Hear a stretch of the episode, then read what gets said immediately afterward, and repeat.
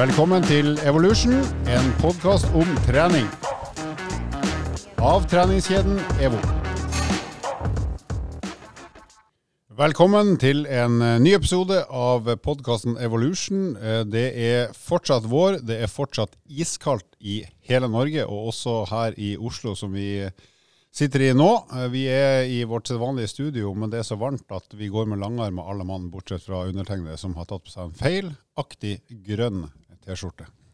Så dere- Ja, dere får heldigvis ikke se den. Men eh, det begynner jo tross alt å nærme seg sommer. Det skal vi ikke stikke under verken stol, benk eller sofa. Så eh, i den forbindelse så tenkte jeg å høre litt med guttene Andreas og Lars. Henholdsvis rask og kjekk. Eller pen. Når, et spørsmål der. Bare, mm. Når kan den switchen komme?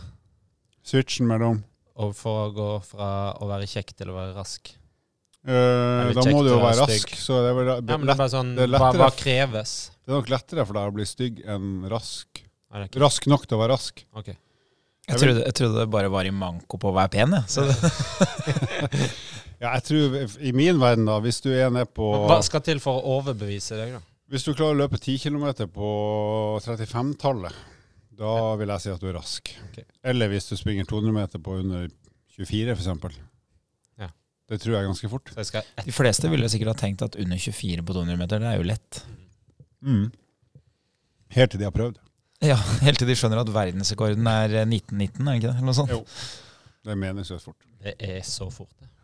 Jeg tror jeg har løpt, eh, jeg tror jeg har løpt 124 meter på 24 sekunder. Ikke sant? Faktisk. Så det er ganske dårlig. Ja. Jo da, nei, men eh, det nærmer seg sommer, ja. Så vi eh, har tenkt å høre litt rundt bordet. Hva er topp tre sommerdestinasjon, eller sommerferiedestinasjon i Norge? I og med at vi vel i 2021 også må belage oss på en innenlandsferie, i hvert fall de fleste av oss. Så er, hvor går ferden, hvis vi kan velge fra den øverste hylla i våre liv?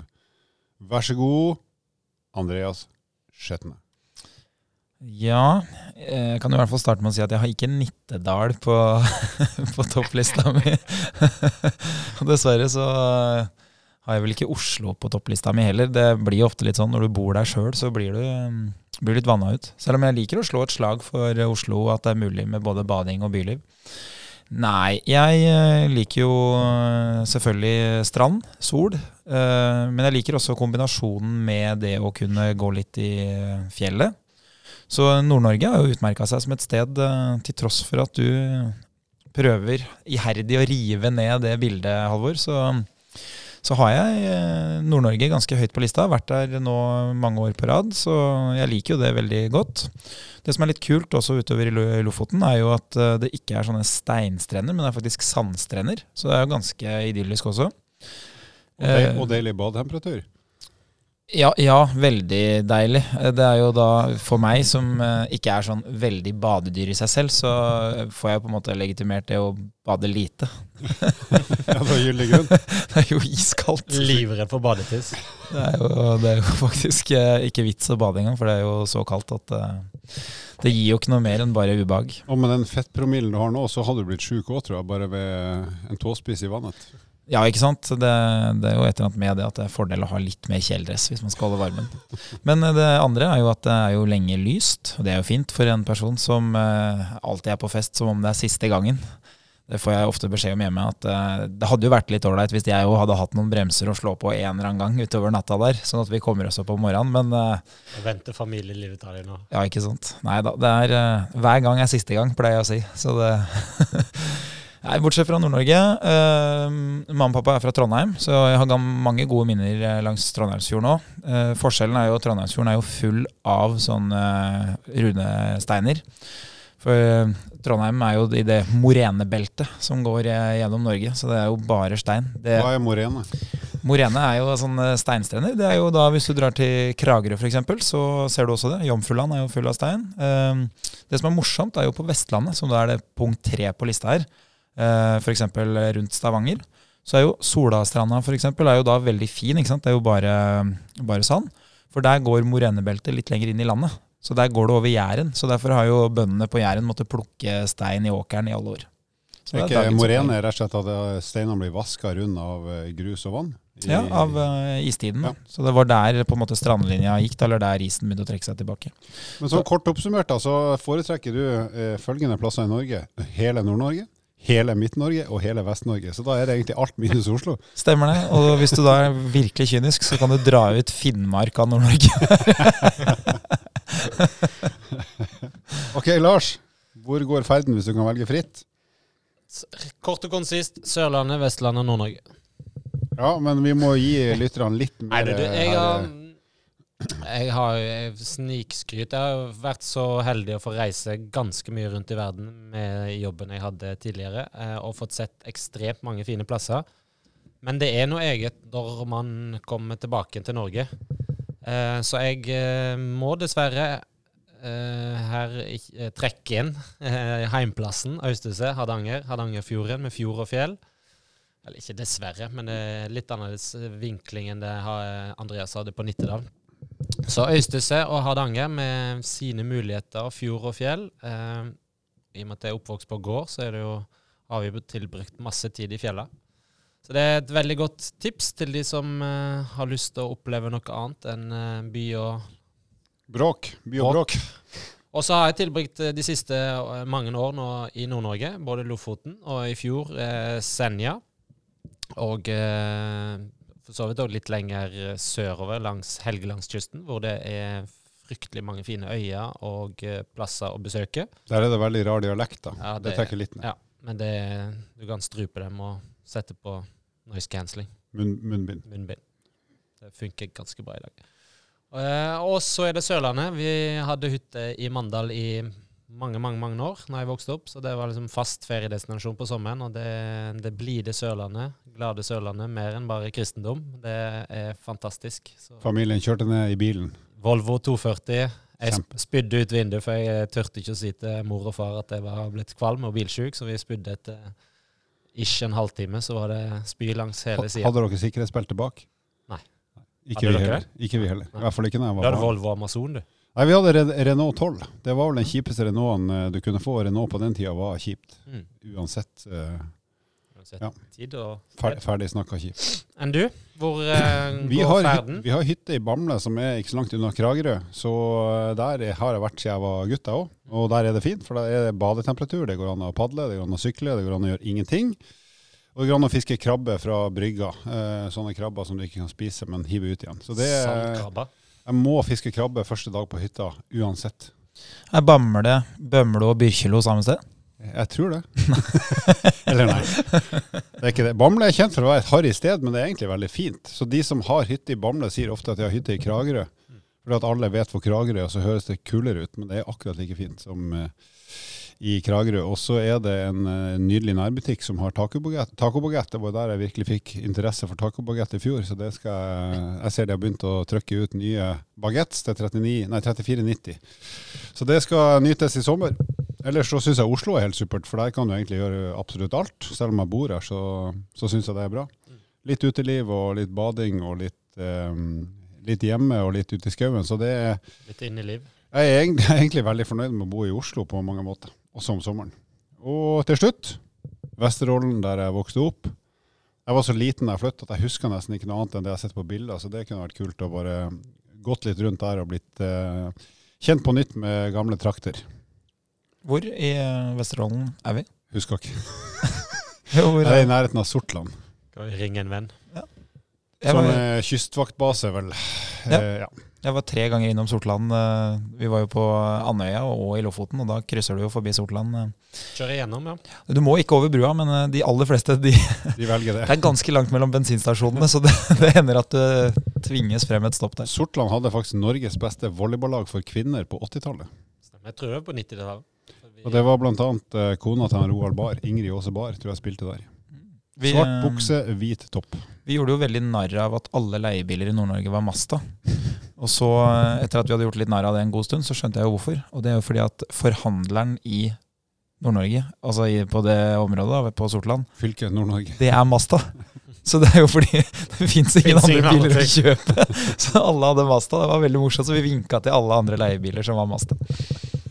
Nok om ferie, den kommer snart, folkens. Slapp av, slapp av og hold ut. Vi skal straks snakke om eh, et tema som har blitt debattert en del, nemlig helse i en eller annen form.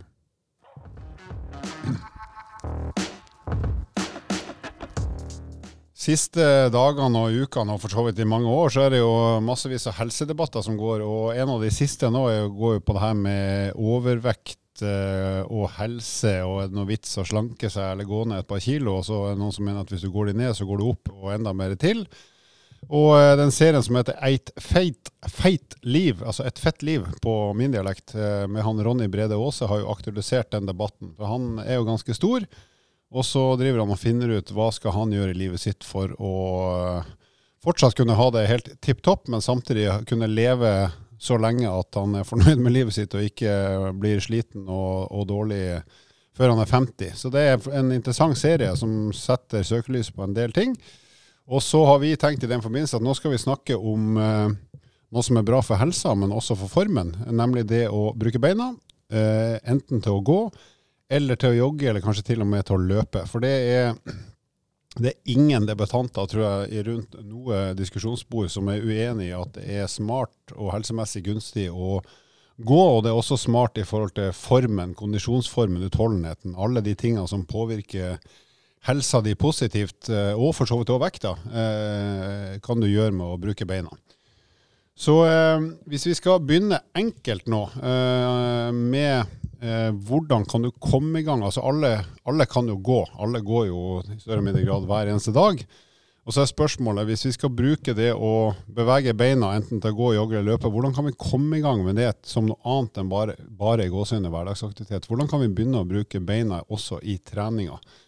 Eh, og Hvis vi da tar utgangspunkt i at vi starter da på nivå gå som trening, fordi at du enten ikke har lyst til å begynne å jogge eller løpe, eller kanskje ikke er i stand til det ennå, men kanskje på sikt har lyst til å få mer fart på beina etter hvert. Hvordan kan man tenke seg å legge gange, eller det å gå inn i en, eh, som en del av eh, treningsopplegget sitt i løpet av ei uke? Det er jo fryktelig, for det første, veldig mange gode tips der ute. Det er jo blitt diskutert opp og ned i mente. Og eh, jeg tror eh, dere får arrestere meg eh, om det ikke er riktig, men at eh, i forhold til da, da var det mer i forhold til å løpe. Men Jack White sa vel en gang ta på deg joggeskoa og gå ut. Gå, Sett av ti minutter, og hvis ikke du liker det du har gjort i de ti minutter, så skal du heller få lov å gå hjem igjen og legge deg.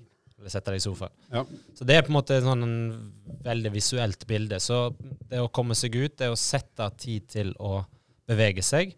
Om det er så å gå til jobben, om det er så å eh, gå av bussen eller T-banen eller toget ett eller to stopp før, som vi har snakka om i noen andre episoder. Eh, skaffe seg husdyr, altså hund f.eks., som da bidrar til at du må oftere ut.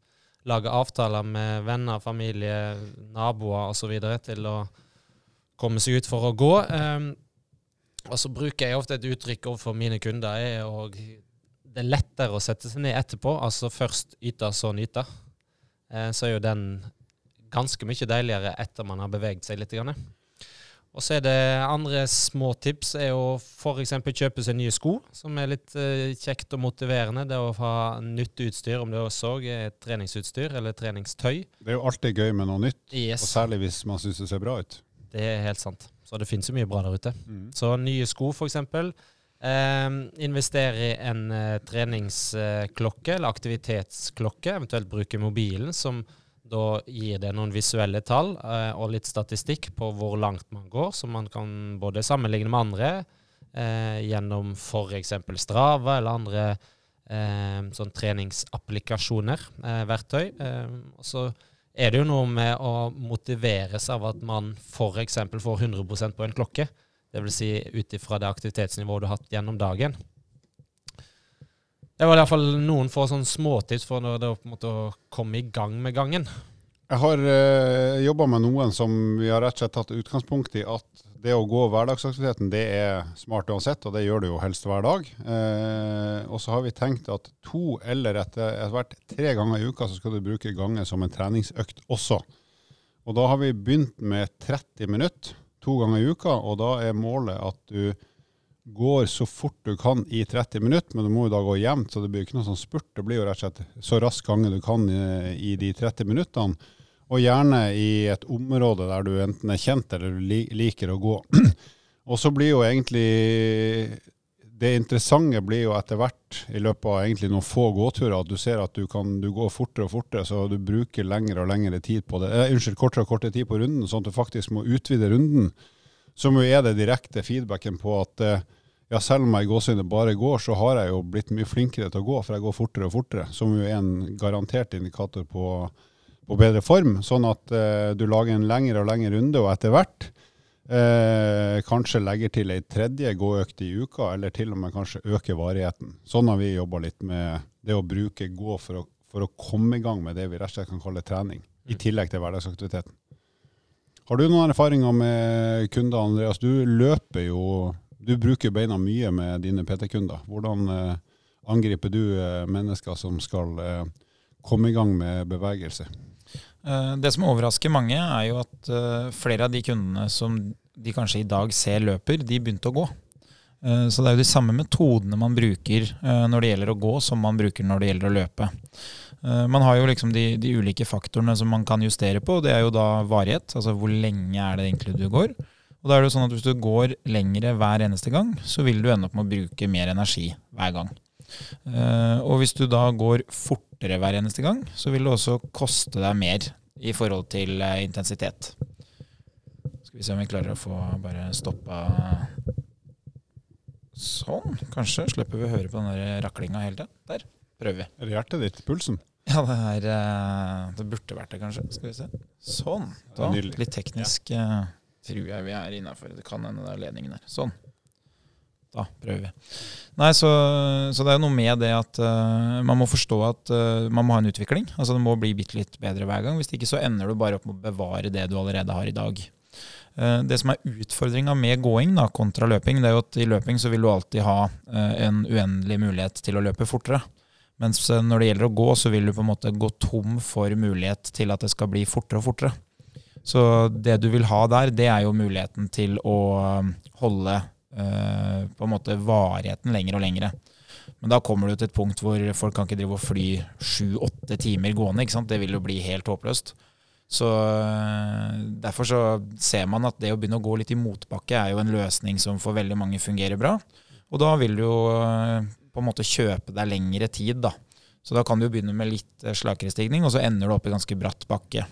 Så den eneste utfordringen som dukker opp et eller annet sted på veien der, er at det blir såpass bratt hvis du fortsetter, at uh, det vil bli ganske mye muskeljobb for beina. Du må rett og slett holde, ha et gelender eller et tau å holde fast i så det ikke uh, ramler ned?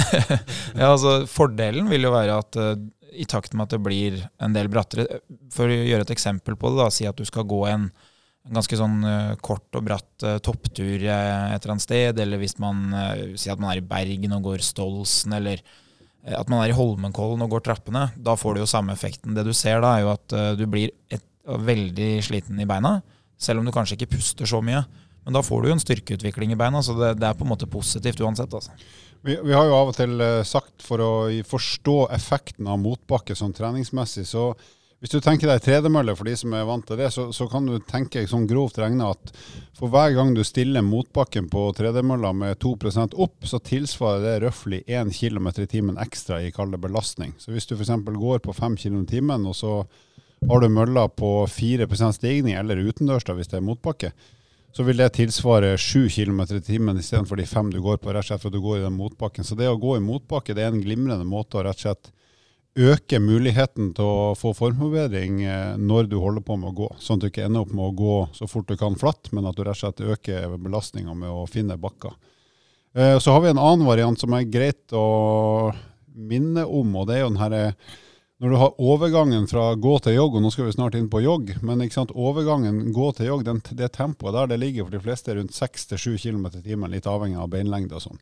Og det er jo en hastighet som er ganske ubehagelig, for når du begynner å bli så god til å gå at du skjønner at ok, nå kan jeg ikke gå fortere, eh, så får du ofte lyst til å begynne å jogge, men hvis du gjør det på ei tredemølle, så bør du finne ei fart som er rask nok til at du kan jogge, så du slipper å lure på er det her egentlig gangfart eller joggefart.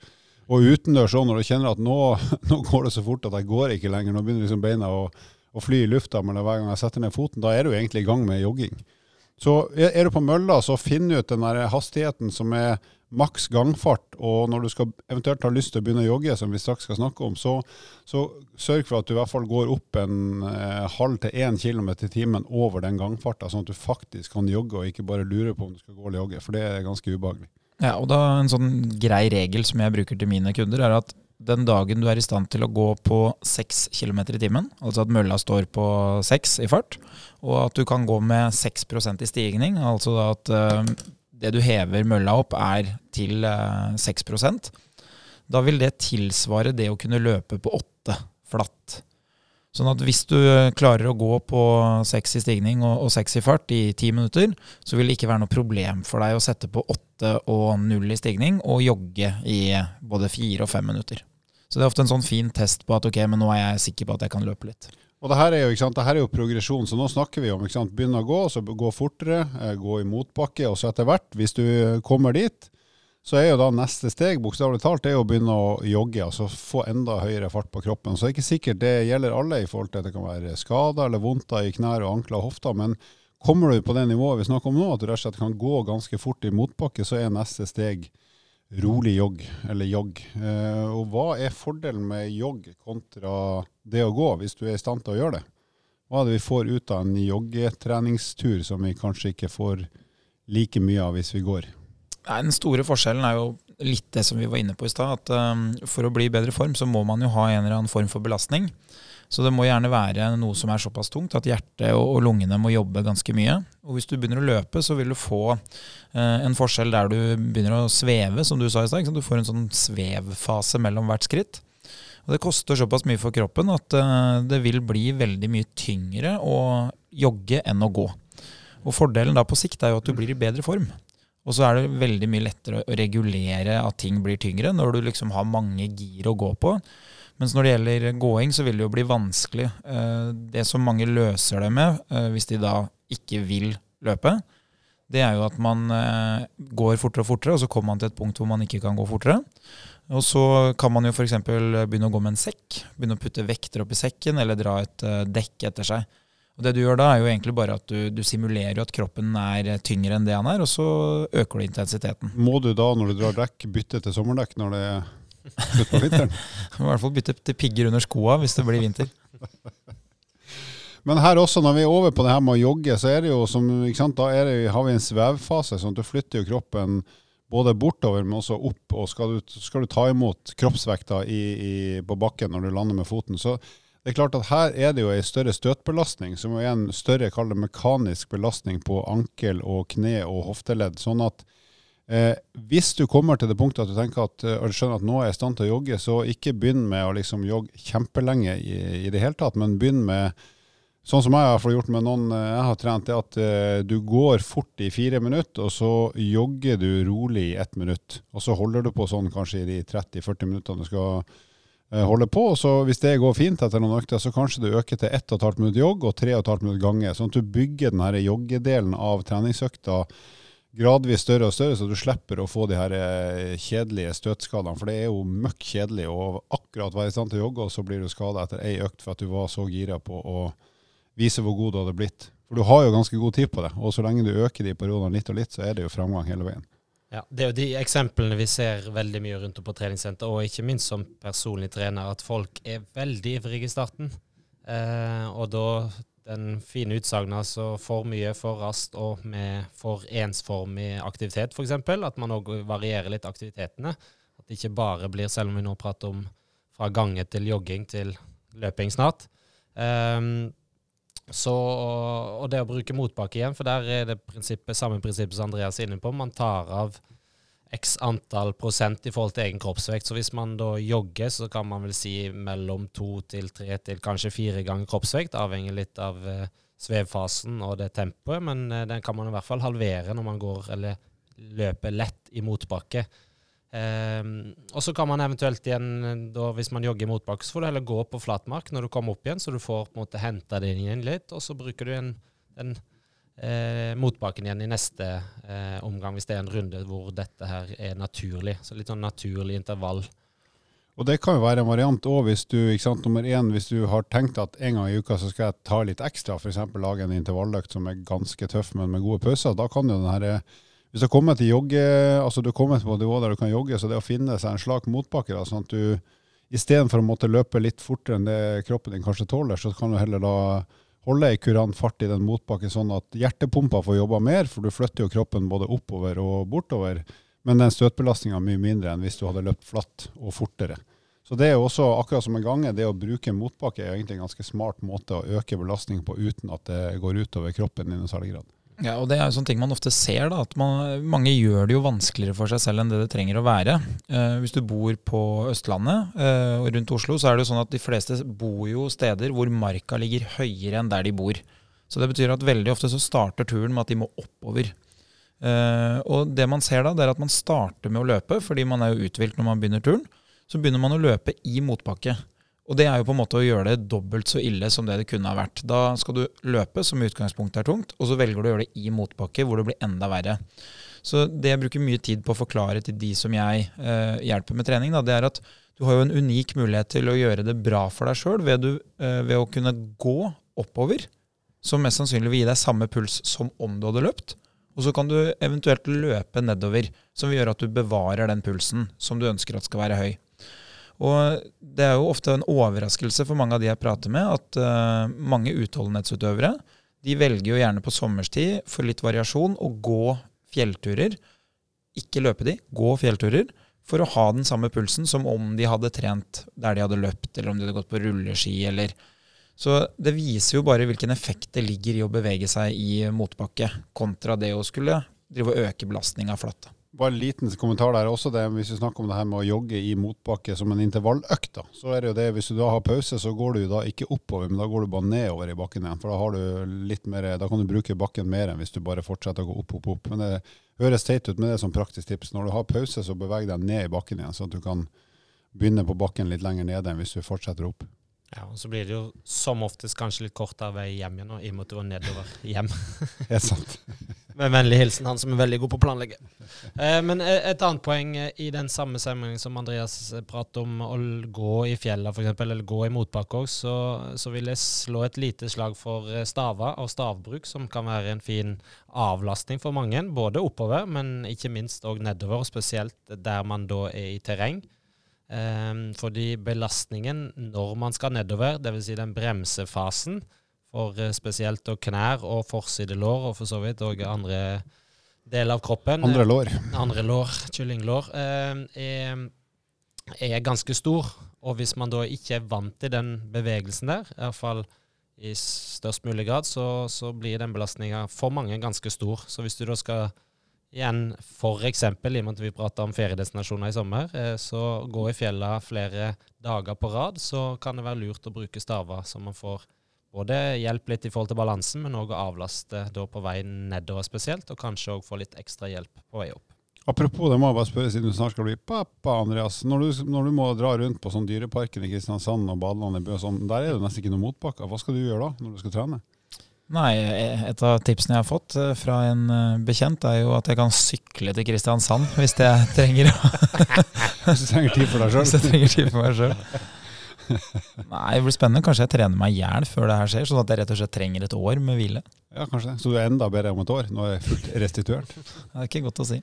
Uh, I forlengelse av det vi snakker om her, så er det én ting som uh, jeg ofte tenker på, og det gjelder jo sånn generelt for, uh, for fysisk aktivitet, og som Det er jo liksom pekefinger, da, men Uh, man kan jo lett si at, okay, at, det kommer fra deg, det har jo ikke noe troverdighet, for du liker det. Men uh, det gjør det ikke noe mindre sant. Og det er jo at uh, når man har barn, da, hvis vi bruker det som et eksempel, så er det jo sånn at barn de er jo verken gira på å pusse tenner eller kanskje til dels spise ting de ikke liker. Men da, da tvinger vi dem til å gjøre det, ikke sant? fordi vi vet at det er bra for dem. Det er veldig mange ting vi må gjøre som vi vet at det er bra for oss, men som vi kanskje ikke har lyst til. Det kan jo være å spare penger eller møte opp på jobb mandag morgen av og til. ikke sant? For du tenker at det her står lavt på lista over ting jeg vil gjøre, men jeg må gjøre det. Og veldig ofte når jeg prater med, med, folk, så når vi snakker om fysisk aktivitet, så legger de det fram som at det er et valg som de ikke har benytta seg av. Men det er klart, hvis de hadde hatt forståelse for hvilken effekt fysisk aktivitet fører til for kroppen, og hva som er bivirkningen av å frastå fra det, så tror jeg ikke de hadde gitt seg selv valget. Jeg tror de hadde tvingt seg sjøl til å gjøre det. Så Derfor så tenker jeg av og til at man kan godt tenke at man skal velge basert på hva man har lyst til å gjøre, men noen ganger så tror jeg det hadde vært smart å tenke at det skal gjennomføres. Så i utgangspunktet så trenger jeg ikke å like det heller. Jeg må sette av én til to timer i uka til å gjøre det. Og hvis man da i tillegg tar litt eh, ansvar for den tida man bruker, sånn at man følger med på hva man gjør, så kan det bli veldig bra. Og det er jo litt sånn, Når du skal spare penger, så pleier man jo å følge med på hvor mye penger man sparer, og at det skjer hver måned. Det er jo ikke sånn at man tenker at ok, men nå skal jeg begynne med det. Jeg aner ikke hvor mye det er, jeg veit ikke når jeg skal gjøre det. det. Blir et dårlig resultat, rett og slett. Så når man begynner med det her, så man må følge med. Altså. Det, er, det er ikke sånn at det skjer av seg sjøl. Og veldig mange av de jeg prater med som har hatt dårlige opplevelser med fysisk aktivitet, de har lagt opp til at det skal skje av seg selv. Eh, ja, nei, jeg prøvde å trene litt. Ja, hva var det du brukte tida di på når du trente? Eh, nei, jogga litt, og så prøvde jeg meg på noen andre aktiviteter. Og det er jo sånn, Du får jo tilfeldig resultat hvis innsatsen er litt sånn tilfeldig. Så det å på en måte sette seg ned og kanskje planlegge litt Det eh, trenger ikke å være en lang planlegging, men det kan være de neste fem ukene så er det en plan hos meg at jeg skal ha ti aktiviteter, og det skal være av det slaget her. Og Hvis det da er så enkelt som det vi snakker om nå, altså rett og slett begynne å gå, så vil du jo bli motivert at du kommer til å si at du er bedre på andre gåtur. For du kommer til å gå litt fortere eller komme deg litt lenger. Garantert. Hvis du tar først det gåtreningstur, og så tar du en neste gåtreningstur kanskje to eller tre dager etterpå. Ja, og det er jo på en måte det, det siste punktet. da. Det er at vær ærlig med deg selv. Basert på den innsatsen du har lagt ned, hva er det du fortjener? Altså Hvis du har hatt si to-tre år da, med sporadisk aktivitet, hvor du nesten ikke har vært fysisk aktiv, Mest sannsynlig så fortjener du ikke å løpe én time sammenhengende. Det du fortjener, er å starte med å gjøre det ganske enkelt for deg selv. Og jeg tenker jo også motsatt, at uansett hvor bra form det viser seg at du egentlig er i, kan du ikke heller starte lett, da, så får du bevist overfor deg selv at oi, ja, det her var egentlig for lett.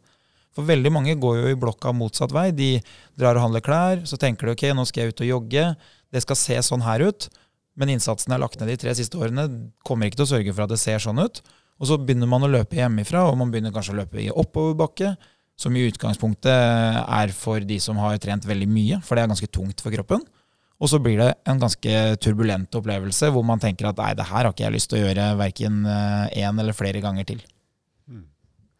Og da er vi, Hvis vi da kom, oppsummerer litt sånn, hva er forskjellen på det å gå, gå fort og jogge, skråstrek løpe, så er det jo Nummer én at eh, når du er i stand til å begynne å jogge, så vil jo muligheten din til å regulere, kall det åpenbart farta, men også belastninga være enda større. For da har du på en måte alt fra å jogge rolig til å etter hvert kanskje løpe fortere og fortere. Det her med å bruke bakke kan du bruke som regulator for intensitet både når du går og jogger løper.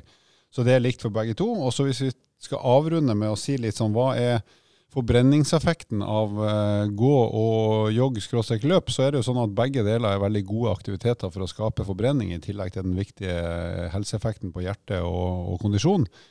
Uh, men tommelfingerregel, som vi har nevnt et par podkaster tidligere, det er jo at når du går, så forbrenner du ca. 0,7 kalori per kilo kroppsvekt per kilometer du går. Så er du 100 kilo og går 1 km, så har du brukt ca. 70 kalorier på det. Og Hvis du da jogger den kilometeren og er 100 kilo, så vil du bruke ca. 1 kalori per kilo kroppsvekt per kilometer. Så da vil en 100 kg-person ha brukt 100 kalorier istedenfor 70. Sånn at det ligger jo en forbrenningsgevinst her òg. Og, grunnen til at det er forskjell, er jo rett og slett at når du jogger, så flytter du kroppen ikke bare bortover, men oppover og tar imot støtbelastninga. Så det krever litt mer muskelarbeid å, å flytte på den kroppen på en sånn jogge-løpemåte sammenligna med å gå. Ja, og Et av de spørsmålene som jeg som regel får, det er jo eh, innpakka i eh, hva er det jeg kan gjøre minst mulig som gir mest mulig. Altså hvor lite innsats må jeg ha for at det skal gi resultat. Og Hvis alle hadde skulle på en måte valgt den løsningen, så ville jeg tenkt at hold på med noe som varer lenge, men som også er et aktivitetsvalg som du kan holde på lenge med. Eh, for problemet til de fleste er at hvis du snører på deg løpesko, så det kommer ikke til å vare veldig lenge. Så derfor så ville jeg tenkt, eh, hvis man har en lørdag foran seg da, og man eh, har to-tre timer, så ville jeg enten ha gått, for de fleste kan gå i to-tre timer, eller så ville jeg sykla. Så hvis man har en sykkel, så er sykkel en kjempemulighet til å få hjertet til å slå et fint antall slag hele tida i de to-tre timene. Sånn at uh, det å være litt sånn kynisk på hva man velger, det, det vil nok gi en bedre opplevelse. Uh, så hvis man setter seg litt inn i det, så tror jeg man kan få ganske god effekt og ganske fine opplevelser. Men det krever jo at man gjør noe på forhånd, sånn at man liksom reflekterer litt rundt hva er det som er forventa av meg for at jeg skal få en god opplevelse her. Og den opplevelsen, bare for å forlenge seg, den, det tar jo litt tid å skape den gode opplevelsen. Eh, man må gjennom noe som ikke er så gøy.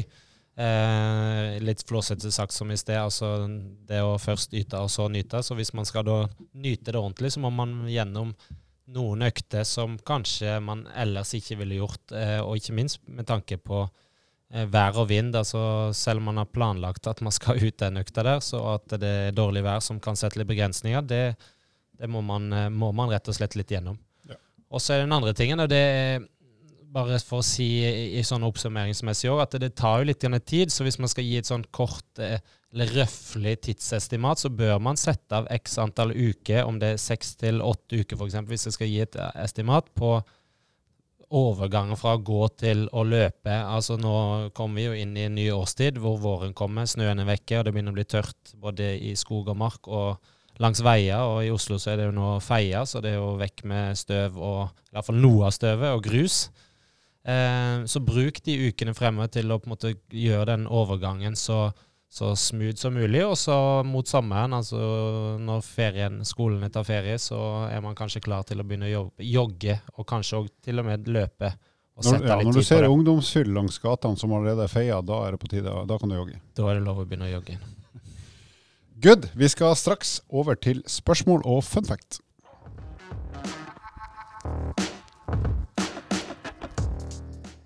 Ukas spørsmål kommer fra en eh, mann som heter Hans Jørgen. Eh, han er 50 år, eh, og han skriver Hei og takk for kul podkast. Takk for det. Takk jeg sykler mye, men prøver å jogge skråstrek løpe ei økt i uka. Men merker at beina fungerer dårlig til løping når jeg sykler mye. virker som jeg er dauere i beina enn før, skriver han. Har dere noen tips til en bra løpeøkt eller joggeøkt som kan fungere selv om jeg har i gåseøyne sykkelbein? Uh, der kan jeg vel innrømme at jeg kjenner meg vel litt igjen. at her, Når du sykler mye, så løper du selvfølgelig ikke så mye som før. Og da blir jeg får min muskulatur også liksom død, så det er liksom ikke noe spenning i, i løpesteget lenger. Altså det er jo en, jeg vil si det er en litt sånn myte at man blir treigere av å sykle mye, sånn i utgangspunktet. Uh, selvfølgelig avhengig av hvor mye man har trent før, og man, uh, hvor, hvordan man driver sykkeltrening òg. Og det har liksom alltid vært sagt når man spilte fotball og var yngre, så man må ikke sykle for mye, for da blir man for treig, og da man, mister man den eksplosive muskulaturen. Og det er jo ikke sånn at den muskelfibersammensetningen endrer seg sånn over natta. Um, Poenget er vel at man har jo ikke den støtbelastninga i sykkel, så du mister jo det eh, naturlige spennet som du helst bør ha når du løper. Absolutt, selvfølgelig. Men det igjen her avhengig av litt hvor mye man løper, og ikke, nei, sykler, og eventuelt hvis man òg eh, ikke har noen annen vektbærende belastning. Altså det hvis man ikke går så veldig mye, eller eh, ja, gjør styrketrening osv. osv. Men eh, det, det er beste er jo selvfølgelig her, og litt sånn som vi var inne på i sted, altså man må, må, må begynne et sted, og så blir den overgangen så smooth som mulig. Og så skal man være litt obs på i forhold til det med akillesproblematikk, f.eks., eh, som er ofte en Eller òg beinhinnebetennelse. beininbetennelse. Det vil si betennelsestilstander på fremsiden av leggen og baksiden av leggen mot akillesen. Sånn overgang når man ikke har hatt den belastninga så mye, altså det vil si den støtbelastninga, og ikke minst den rullebevegelsen, hvis jeg kan si det sånn, at man lander på hælen og gjør et fotavvikling, og da, der man da på en måte svever fra tåballene og tar et nytt steg. Så det skal man være litt sånn obs på i starten og begynne litt forsiktig. Eh, bruke, bruke, noen uker på overgangen fra å gå og jogge og løpe. Og gjerne ha en miks mellom å løpe og sykle, f.eks., så man òg får trent kondisjonen samtidig som man da gjør noen vektbærende belastning eller øvelser, eh, aktiviteter, som da jogge, gå, løpe. Ja, og i den forlengelse av det ville jeg tenkt f.eks. det å jogge med ganske lav fart i motbakke vil nok kunne fungere ganske greit. Og hvis man føler at ok, nå begynner det å sitte ganske greit og har blitt sterkere, så kanskje man skal ha litt mindre bakke og litt mer fart. Men sånn uh, komme i gang med en, en god uh, motbakkeøkt, enten på mølle eller utendørs, det vil jo være uh, hyggelig for muskulaturen, og så vil det jo funke veldig bra for hjertet. Så det er nok det som funker best. Eller eventuelt bare begynne å gå i bratt bakke, og så øke tempoet etter hvert. Så Jeg tippa en eh, motbakkeintervall hadde fungert, for da får vi redusert farta, og samtidig er det så bratt at du får jobba knallhardt med hjertet. Og skal du gjøre noe mer ut av det, så er det som Lars sier, å, å øke progressivt, enten med hastighet eller uh, varighet, uten at det blir for mye, siden du jo tross alt også sykler en del og ikke får den støtbelastninga i syklinga. Ja. Og så er det en liten faktor til. Nå vet vi ikke så veldig mye om Hans Jørgen i forhold til høyde og vekt og, og den belastninga der, men uh, et fint annet alternativ kan være ellipsemaskin, eh, hvor på en måte løpssteget eller løpsaktiviteten, bevegelsesformen, er relativt lik, selv om man ikke får den vektbærende belastninga. Men da får man i hvert fall jobbe med løpsavviklinger, både i ankelleddet og i forhold til hofteledd, som mange kan faktisk kjenne litt i den som går på hofteleddsbøyen, det som er på framsiden og overgangen mellom overkropp og underkropp. Er ikke det noe Ingebrigtsen-gutta bruker mye sånn, eh, sånn volumtrening hos rehab? Og rett og slett gå på ellipsemaskin? Jo. Henrik er vel den som har brukt det aller mest, for han har vært den eh, største eh, prøvekaninen i det der prosjektet der. Så har man jo òg løping i basseng, f.eks., som de er fan av. Men det er jo ikke alle som Eller de, alle, alle har ikke basseng. Nei, alle aller fleste har, har ikke tilgang til akkurat det. En annen løsning er hvis du har eh, tilgang på tid, så kan du jo legge inn to økter. Altså Du har en veldig kort, rolig økt, og så har du en tøffere løpeøkt dagen etter. Da vil du jo kunne gjenvinne den uh, følelsen, da, ofte. Mm. For det er, jo, det er jo avviket fra hva du har gjort, som ofte blir det rare. Du sitter jo på en sykkel, så du har jo et hofteledd som er bøyd i aktivitet, mens når du løper, så er du jo utretta. Det er som å sitte i hockey. Det er som å sitte i hockey. Så er det en kompis av meg som da var med her i podkasten uh, forrige gang. Bjarne Brøndbø? Bjarne Brøndbø. Og han uh, har jo vært hockeykeeper, så han har jo alltid sittet nede i 90-gradersknekken. Og så når han fikk interesse for sykling, da, så drev han jo meldte på at han alltid hadde så mye mer trøkk i pedala enn meg da, på flatene. Det er jo ikke så rart, det, så jeg har jo ikke sittet i hockey hele barndommen. så Låra dine har jo holdt kroppsvekta di oppe her i, i, de timene hvor jeg har løpt, så nei, det er noe med det. Bra. Da har vi en uh, liten fun fact på avslutninga her. Uh, det er um Ukens fun fact er at uh, Fidel Castro han har jo en skokk med unger, åpenbart. For han mente vel sjøl at han burde spre sine gener til så mange som mulig. Uh, og han oppkalte sønnene sine etter uh, Alexander den store, så de het henholdsvis Alexis, Alexander og Alejandro, hvis ikke jeg uttaler aldeles feil. Og det er da uh, med begrunnelse at de er oppkalt etter Alexander den store, som er interessant, morsomt i seg sjøl. Og så begynte jeg å tenke på, Jeg heter jo Halvor, og jeg er oppkalt etter farfaren min, som ikke er så veldig berømt. Og så I min samtid som barn og ungdom så var det en utrolig kjip barne-TV-programleder som heter Halvor Kleppen. Som eh, gjorde at uh, mitt navn ikke var spesielt kult å ha når jeg gikk på barneskolen. er det noen av dere som er oppkalt etter noen enten kjente eller bare rett og slett familie, eller er det bare pene navn? Nei, jeg heter jo uh, tidenes uh, brems da, i et dobbeltnavn. Jeg heter jo Andreas Olav, som ikke klinger verken uh, om du snur og vender på det. Og det er etter en, en morfar. Var han kjent? Nei, han var ikke kjent, men han het Olav Margido, så det kunne ha vært verre. det kunne ha vært verre. Spanske anere? ja, det burde vært. Det er et eh, trøndersk navn, faktisk. Margido Esp. ja, Jakob Margido Esp, ja. Skuespiller på, eh, på Flettfrid Andresen, var ikke det som var karakteren? Det var ja. Eh, hoved... Fra Øvre Singsaker. Fra Øvre Singsaker. Rosenborg spiller i kveld. det var tider, det, når hun møtte på cupfinalen. Lars, hvem er, er du opptatt etter? Her er det vel eh, Da blir det morfar. Um, litt uti der. Og uh, folk tror jeg heter Lars Øystein, men det er Lars Øystese, så jeg har et stedsnavn inni, inni den greia her òg. Så, så, for de som ikke kjenner meg innimellom, så tror de det står Lars Øystein. Mæland, men det er da Lars du er egentlig oppkalt etter et sted. Ja. Det er ikke verst. Jeg setter det fryktelig høyt på lista. Hvis du kommer fra et sted og du har samme navn. Det er, så folk fra Øystese heter Øystese. Det syns jeg er klasse. Og det er veldig mange som heter det, så det blir litt innavl der i den lille bygda. Halvor Bodø. jeg heter jo Laustad, så det er iallfall et navn som klinger godt i Tyskland, for da sier de Laustad. Og det liker jeg godt. Og med disse fjollete ord så er det på tide å takke for oss. Vi høres ganske snart igjen. Vil du vite mer om trening? Abonner på podkasten og sjekk ut vårt treningsmagasin på evo.no.